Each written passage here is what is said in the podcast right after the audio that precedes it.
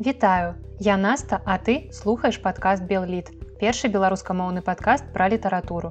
Гэта мой чытацкі дзённік, у якім вас чакаюць агляды навінак і сусветнай класікі. Варта ўвагі творы беларускай літаратуры, а таксама цікавыя літаратурныя і каля літаратурныя гісторыі. Гэтым выпускам я распачынаю цыкл асобы і кожны выпуск гэтага цыкла будзе прысвечаны жыццю і творчасці аднаго беларускага пісьменніка. Герой сённяшняга выпуска Масім гарэцкі. Расказаць пра гэтага аўтара падрабязней папрасіў Руслан, які даслаў гэтую прапанову мне ў Google форму. Вы можете таксама задаваць свае пытанні за увагі прапановы. Спасылку на гэтую Google форму можна знайсці ў апісанні гэтага выпуска. Такім чынам вы можете ўплываць на змест падкастаў і слухаць пра тое, што цікава вам. Максім гарэцкі ў маім асабістым топе беларускіх аўтараў займае ледзь не самую высокую пазіцыю і таму мне асабліва прыемна распачаць гэты цыкл выпускам менавіта пра яго. Нарадзіўся Максім гарэцкі 18 лютага 1893 года ў вёсцы малая багацькаўка. Гэта тады быў мсціслаўскі павет магілёўскай губерні, а цяпер мсціслаўскі раён магілёўскай вобласці. Літаратуразнаўца Михась Мышынскі назваў сваю манаграфію пра Масіма гарэцкага падвіжнік з малой багацькаўкі. А некаторае ўяўленне пра родную вёску гарэцкі дае ў сваёй аўтабіяграфічнай камароўскай хроніцы. Там вёска апісваецца пад назвай камароўка.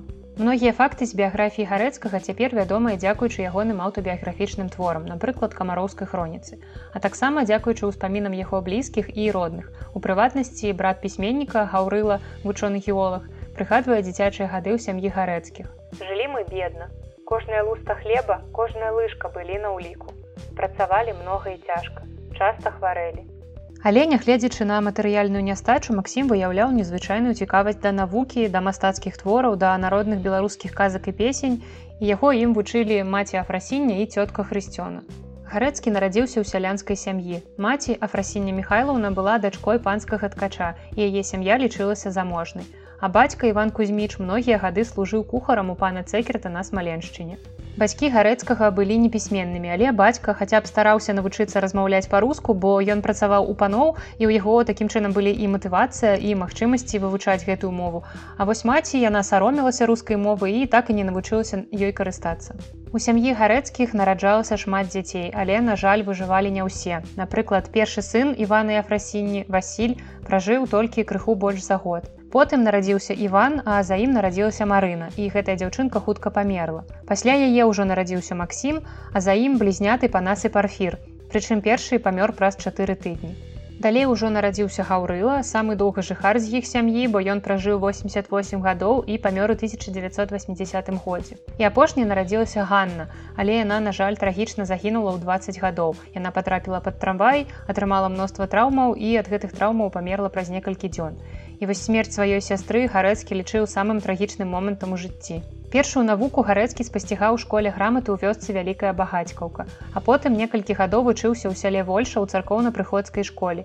І ўжо ў той час ён пачаў цікавіцца беларускай літаратурай і пачаў свядома карыстацца беларускай мовай. І можна сказаць, што ў гэты час у ім абуджалася нацыянальная самасвядомасць. У 1908 годзе гарэцкі скончыў вучобу ў Вольшы і атрымаў магчымасць быць настаўнікам. Ён мог вучыць грамаце сялянскіх дзяцей. Але на той час гарэцкі быў яшчэ вельмі малады, каб кагосьці вучыць яму б яшчэ самому далей вучыцца, бо яму было толькі 16 гадоў. І ён даведаўся, што недалёка ў горках адкрываецца каморніцкае агранамічнае вучылішча. І тут гарэцкага вабіла не столькі будучая прафесія, бо думаю, каморнікам ён стаць не марыў, але яго цікавіла тое, што гэта была магчымасць без асаблівых грашовых затрат працягваць адукацыю, бо будучых спецыялістаў сельскай гаспадаркі вучылі на дзяржаўныя сродкі калі я 10 гадоў таму паступала на філфак то у нас быў вялікі недабор і да таго ж былі не вельмі высокія балы на беларускую філалогію менавіта. І да нас ішлі людзі якія не прайшлі на іншай спецыяльнасці напрыклад на больш прэстыжную раманы германскую ці ўсходнюю філалогіі і таму у нас частка нашай групы беларускай філалогіі складалася з людзей якім было абсалютна напляваць на беларускую філалогію. Яны просто вырашылі павучыцца бясплатна такім чынам Вядома ж, некаторыя людзі адсеяліся адразу яшчэ ў першым семестры ці хаця проста год правучыліся, але ж знайшліся людзі і што мяне вельмі радуе, якія сапраўды ўцягнуліся, якія атрымлівалі задавальненне ад свайго навучання і нават мелі нейкія поспехі. І гэта сапраўды вельмі круто. Я думаю, што Масім гарэцкі ўсё ж быў больш сумленным і ён все ж таки трохі хацеў вучыцца і такім чынам у 1909 годзе ён паступіў у вучылішча і правучыўся там чатыры гады. І менавіта ў горадскім вучылішчы ён пазнаёміўся з дэмакратычнымі публікацыямі нашаніўскіх аўтараў і ўсур'ёз захапіўся вывучэннем фальклору і творчасці беларускіх пісьменнікаў.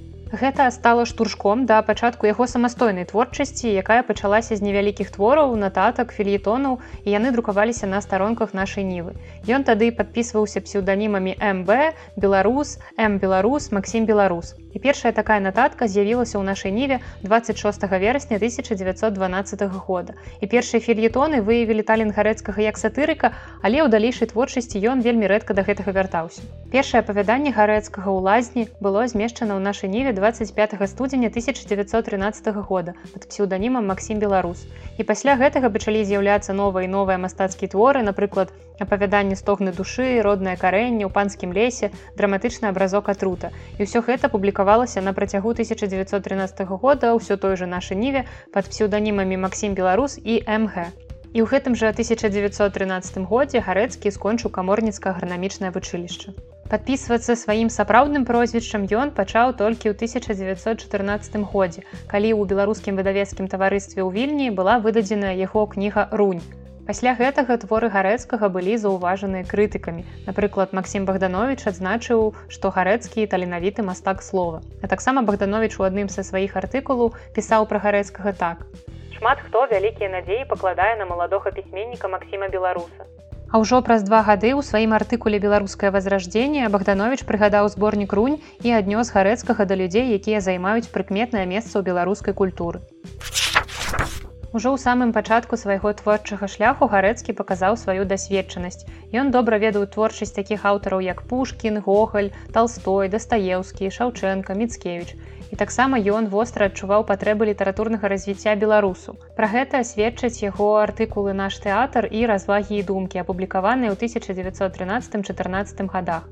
У іх гарэцкі выявіў сябе як тэарэтык, як публіцыст, які зацікаўлены праблемамі развіцця нацыянальнай культуры, мовы і тэатра. У 1914 годзе гарэцкі працаваў над творам Антон.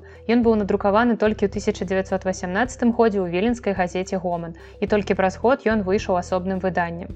Твор мае падзагаловак абразы жыцця і складаецца з 15 асобных абразкоў. У той час, калі гарэцкі завяршаў гэты твор, ён працаваў на веленшчыне ў якасці каморніка. І гэтая праца забірала ў яго вельмі шмат часу і сіл, бо ён быў вымушаны часта ездзіць вёскі ў вёску, а гэта быў бруд, бездарожжа. Затое гэтыя паездкі прымусілі гарэцкага сутыкнуцца сам насам з рознымі праявамі народнай бяды. І вядома, што ён да гэтага ўяўляў сабе вясковае жыццё, таму што ён сам жыў гэтым жыццём. Але цяпер яго дасведчанасць значна павялічылася і многія рэчы ён стаў бачыць па-новаму. На пасадзе каморніка гарэцкі правёў усяго толькі год, бо меў намера валодаць замежнымі мовамі, атрымаць атэстат сталасці і паступіць на гісторыка-філалагічны факультэт. Бо які ж пісьменнік без філалагічнай адукацыі. Насамрэч не няважна, якая вас адукацыя, калі вам хочацца займацца творчасцю пісьменніцтвам, займайцеся, я даю добро. А сам гарэцкі лічыў так. У нашым вызваленчым руху настаўнікі і літаратары яшчэ доўга будуць больш патрэбныя, чым каморнікі і аграномы. Але, на жаль, усе гэтыя амбітныя планы гарэцкаму здзейсніць не ўдалося, бо на той час адтэрміноўку ад вайсковай службы каморнікам ужо скасавалі. Але каб не ісці на службу звычайным салдатам на тры гады гарэцкі пачынае адбываць вайсковую павіннасць у якасці вольнапісанага царскай арміі у 1914 годзе. І так склалася, што гэта супала з пачаткам першай сусветнай вайны. І гарэцкі ўдзельнічаў у кровапралітных баях ва ўсходняй прусіі і там быў цяжка паранены. Ён лячыўся ў вільні на працягу двух месяцаў. І там міласэрнай сястрою працавала вядомая беларуская паэтка цётка, якая рэгулярна прыносіла гарэцкаму нашу ніву. А таксама ў вільні яго наведвалі некаторыя іншыя супрацоўнікі газеты. Аднак у вільні гарэцкі не змог канчаткова вылічыцца таму для папраўкі здароўя яго адправілі на паўгода ў адпачынак і ён выехаў багацькаўку да бацькоў. Рану вельмі доўга не маглі залячыць, таму гарэцкі трапляў з аднаго шпіталя ў іншы. І нарэшце паспяховая аперацыя была зроблена і асколак нямецкай гранаты дасталі з ягонай нагі. Пасля выздараўлення гарэцкі працягнуў вандраваць з месца на месца і некаторы час ён, напрыклад, працаваў чарцёжнікам у Маскве. А ў 1916 годзе вучыўся ў паўлаўскім ваенным вучылішчы ў петраградзе. Там ён атрымаў чын прапаршчыка і потым праходзіў службу спачатку іркуцку а потым у гжацку. Там пісьменнік меў крыху вольнага часу таму ён стварыў шэраг апавяданняў пераважна ваеннай тэматыкі напрыклад на этапе генерал прысяга і некаторыя іншыя. У 1916-17 годах гарэцкі зноў апынуўся на фронте на гэты раз на станцыі парахонску раёне пінскіх балот там ён быў прызначаны ў камісію па рэквізіцыі сена ў сялян але гэтая праца яму не вельмі падабалася і ён адпрасіўся ў акопы Усе свае франтавыя ўражанні і назіранні пісьменнік акуратна заносіў дзённік, матэрыял якога ён пазней выкарыстаў для напісання дакументальна-мастацкай аповесці на імперыялістычнай вайне. У 1917 годзе пісьменнік цяжка захварэў і быў эвакуяваны ў арол. Ён лячыўся спачатку ў Маскве, потым у жалезнаводску, але здароўе было вельмі моцна падарванае, таму гарэцкі атрымаў белы білет і канчаткова звольніўся з вайсковай службы. Кастрычніцкую рэвалюцыю пісьменнік сустрэў смаленску і адразу пайшоў на савецкую службу агентам жыллёвага аддзела горсавета па адшуканні кватэр.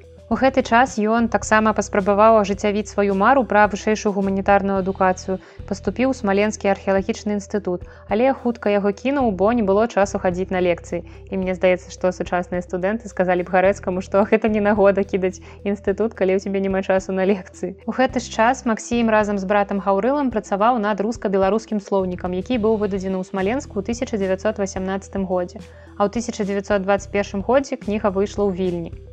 Гэта быў першы беларускі слоўнік такога кшталту надрукаваны пасля кастрычніцкай рэвалюцыі і ўвогуле першы вопыт самога гарэцкага ў галіне лексікаграфіі. Таксама гарэцкаму належыць невялічкі беларуска-маскоўскі слоўнік выдадзены ў вільні ў 1919 годзе, які меў тры выданні і апошняя пад назвай беларуска-расійскі слоўнічак выйшла ў савецкай беларусі ў 1925 годзе. А на год раней у мінску з'явіўся складзены гарэцкім разам з байковым практычны расійска-беларускі слоўнік, які ахопліваў каля 20 тысяч слоў.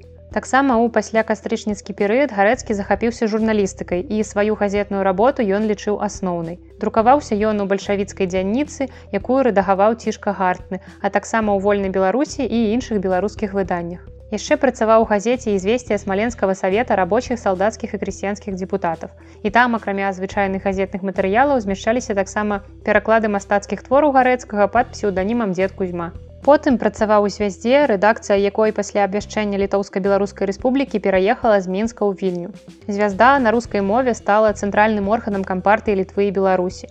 Але раптоўны захоп горада польскімі войскамі ў красавіку 1919 года перашкодзіў гарэцкаму вярнуцца ў савецкую Беларусь. У 1919 годзе ў вільні гарэцкі пабраўся шлюбам. Яго жонкай стала Леаніла Чарняўская, якая працавала настаўніцай у першай віленскай беларускай гімназіі. А таксама яна сама была пісьменніцай і пісала творы для дзяцей. У гэты ж час пачынаецца адзін з найбольш складаных і драматычных перыядаў жыцці пісьменніка. У час польскай акупацыі ён шмат працуе, займаецца грамадскай дзейнасцю і плённа піша. Гарэцкі быў выкладчыкам віленскай беларускай гімназіі, выкладаў беларускую мову ў праваслаўнай духовнай семінарыі і чытаў лекцыі на беларускіх настаўніцкіх курсах. Да таго ж ён рэдагаваў газеты наша думка, наша будучыня і беларускія ведамасці. На працягу 1919-1923 гадоў ён напісаў больш за 20 твораў. Гэта былі і апавяданні, аповесць дзве душы, а таксама крытычныя артыкулы. У 1920-1921 годах выйшлі і першае і другое выданне яго вядомай гісторыі беларускай літаратуры. Пры ўсёй знешняй разнастайнасці і нават разнароднасці дзейнасць пісьменніка мела глыбокае ўнутранае адзінства, бо фактычна была скіраваная супраць паланізатарскай палітыкі тагачаснай панскай Польшчы ў адносінах да заходнебеларускага народа. Незадаволенасць такой палітыкай гарэцкі выказваў публічна.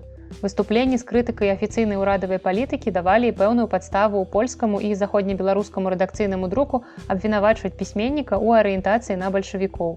У тагачаснай Польшчы гэта было раўназначна дзяржаўнаму злачынству. 3 кастрычніка 1921 года гарэцкі ў беларускіх ведамасцях пад псеўданімам дзед кузьма пісаў: найгорш стаяць нашы справы ў беларусаў пад Польшчаю. У 1922 годзе за антыўрадавую дзейнасць гарэцкі быў арыштаваны польскімі ўладамі. Адбываў пакаранне ў адзіночнай камеры лукійскай турмы. Потым давялося перабрацца ў Латвію, дзе гарэцкі спыніўся ў дзвінску. Там ён зарабляў на жыццё чытаннем лекцый на настаўніцкіх курсах і напісаў некалькі драматычных абразкоў. У Латвіі гарэцкі правёў некалькі месяцаў, а потым вярнуўся ў вільню. У 1923 годзе пісьменнік пераязджае ў Менск. Займаўся пераважна выкладчыцкай і навуковай дзейнасцю, чытаў лекцыі на рабфаку БДУ, выкладаў беларускую мову і літаратуру ў горадскай сельскагаспадарчай акадэміі. Таксама даследаваў літаратуру ў індылкульце і ў акадэміі навук БССР. Яшчэ гарэцкі выязджаў Сібір і на далёкі ўсход, каб вывучаць жыццё беларусаў перасяленцу. Гэта стала асновай для напісання цыкла сібірскія абразкі.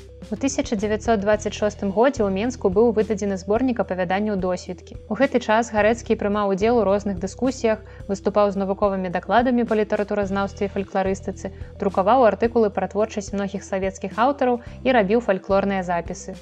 Так у 1928 годзе выйшаў зборнік народныя песні з мелодыямі, падрыхтаваны гарэцкім у суаўтарстве з кампазітарам Ягоравым. Там было змешчана 318 беларускіх песен, запісаных гарэцкім ад сваёй маці. У канцы 1920-х гадоў пісьменнік займаўся таксама перакладамі мастацкай прозы з рускай мовы, напрыклад, пераклаў разгром Фадзеева і асобныя апавяданні горкага. Гэтыя пераклады былі падпісаныя псеўданімам Амсціслаўскі, але іх прыналежнасць гарэцкаму не выклікае сумнення. Работа над перакладамі, інтэнсіўная праца ў якасці крытыка і вучонага і таксама актыўная выкладчацкая дзейнасць абумовілі тое, што ў гэты час гарэцкі напісаў вельмі мала ўласных мастацкіх твораў. Тут можна выдзеліць некалькі апавяданняў з новай для гарэцкага тэматыкай, напрыклад, асляпёны конь пра класавую барацьбу ў беларускай вёсцы напярэдадні калектывізацыі. Або прастуда містара рамзая. Гэта спроба адлюстраваць брацкую салідарнасць яўрэяў і арабаў у іх барацьбе супраць імперыялізму. У 1928 годзе гарэцкі падрыхтаваў да выдання вялікую кнігу сваіх твораў, нанова адрэдагаваўшы некаторыя з іх. Але, на жаль, гэтая кніга не пабачыла свет. 19 ліпеня 1930 года Макссім гарэцкі быў арыштаваны па абвінавачанні ў прыналежнасці да саюза вызвалення Беларусі, пасля чаго яго выслалі ў вятку. Там ён працаваў чарцёжнікам і тэхнікам сметчыкам, а таксама землеўладкавальнікам. І нават у такіх невыносных умовах пісьменнік не губляў аптымізму і працягваў займацца сваёй любімай справай. У гэты час ён апрацоўваў матэрыялы да дакументальна-мастацкага твора камароўская хроніка і працаваў над раманам віленскія камунары. Раман гэты ён скончыў у пасёлку пясочня, дзе яму пашчасціла ўладкавацца на працу настаўнікам. Цяпер гэта калуская вобласць рассіі. У 1936 годзе гарэцкі наведаў родныя мясціны. Марыў здаць экзамены за поўны курс педінстытута. Але надзеям пісьменніка не суджана было збыцца, бо праз год ён зноў трапіў пад новую хвалю арыштаў. У ноч на 4 лістапада 1937 года гарэцкага зноў арыштавалі. А 5 студзеня 1938 года яго прыгаварылі да расстрэлу. Прысуд быў прыведзены ў выкананне 10 лютага 1938 года а 15 гадзіне. Жонцы паведамілі, што памёр ад кровазліцця ў мозг 20 сакавіка 1939 году. Гарэцкага рэабілітавалі 15 лістапада 1957 года. Першая публікацыя паводле сапраўдных фактаў расстрэлу з'явілася ў кастрычніку 1992 года ў газеце літаратуры і мастацтва. Яго апошнім творам сталі незавершаныя скарбы жыцця, дзе пісьменнік паказаў трагізм становішча мастака ў таталітарнай дзяржаве. Нягледзячы на кароткі жыццёвы шлях, гарэцкі спаўна выявіў свой талент і ў іншых галінах творчай і інтэлектуальнай дзейнасці. У літаратуры і мовазнаўстве, публіцыстыцы, фальклорыстыцы і педагогіцы і грамадскай дзейнасці і невыпадкова ў 1993 годзе паводле рашэння сусветна вядомай арганізацыі ЮНЕСКО святкавалася стагоддзя з дня нараджэння нашага славутага земляка. Таксама да гэтай даты прымеркавалі адкрыццё музея ў роднай вёсцы Масіма гарэцкага. На жаль, хата, дзе гарэцкі нарадзіўся і пражыў палову жыцця, згарэла. Засталіся толькі пляцоўка, падворак і частка саду. Узнаўленне мемарыяльнай сядзібы адбылося па ініцыятыве пісьменніка Владимира караткевича. Музей размясціўся ў адноўленай хаце, якая ўяўляе вясковую жылую пабудову ў традыцыях канца 19 стагоддзя і складаецца з трох частак: цёмнай, цёплай хаты, светлай халоднай і сяней. З 1997 года дзейнічае міжнародны фонд братоў гарэцкіх і рэгулярна ладзяцца гарэцкія чытанні. Яго імя носіць бібліятэка ў горках, вуліцы ў мінску мсціславе і горках, а таксама ў мінскую вязьме пастаўленыя помнікі Масіму гарэцкаму. У 1993 годзе паводле ініцыятывы міністэрства культуры Рэспублікі Беларусь і адміністрацыі вяземскага раёна смаленскай вобласці рассіі быў усталяваны памятны знак харэцкаму і ахвярам палітычных рэпрэсій. Ён стаіць на месцы меркаванага пахавання расстраляных зняволеных вяземскай турмы. Надпіс на помніку сведчыць. Предположительно, на этом месте, где захоронены сотни известных и неизвестных людей, жертв политических репрессий находится прах известного белорусского писателя, ученого и педагога Максима Ивановича Горецкого. Дачка гарэцкага Галіна, якая нарадзілася ў 1921 годзе і памерла ў 2006, была захавальніцай літаратурнага архіву сям'і гарэцкіх. Таксама яна аўтарка шэрагу прац, прысвечаных жыццю і творчасці бацькі і маці, успамінаў пра іх і пра свайго дзядзьку акадэміка Хаўрылу гарэцкага. Сын гарэцкага Леонид загінуў у баях пад Ленінградам у 1944 годзе. І на гэтым я пакуль хачу спыніцца і завяршыць першую частку размовы пра Масіма гарэцкага. У наступным выпуску мы звернемся да канкрэтных твораў пісьменніка і пагаворым пра іх больш падрабязна. Нагадаю, што ў апісанні выпуска вы знойдзеце карысныя спасылкі. Напрыклад, на мой тэлеграм-канал пра беларускую літаратуру, дзе я дзялюся аглядамі кніг, цікавымі цытатамі і перыядычна праводжу кніжныя розыгрышы. А таксама ў апісанні спасылка на мой яндекс кашалёк, праз які можна падтрымаць гэты праект фінансава, калі ён вам падабаецца. А з вами была Наста і падкаст Белліт. Да сустрэчы.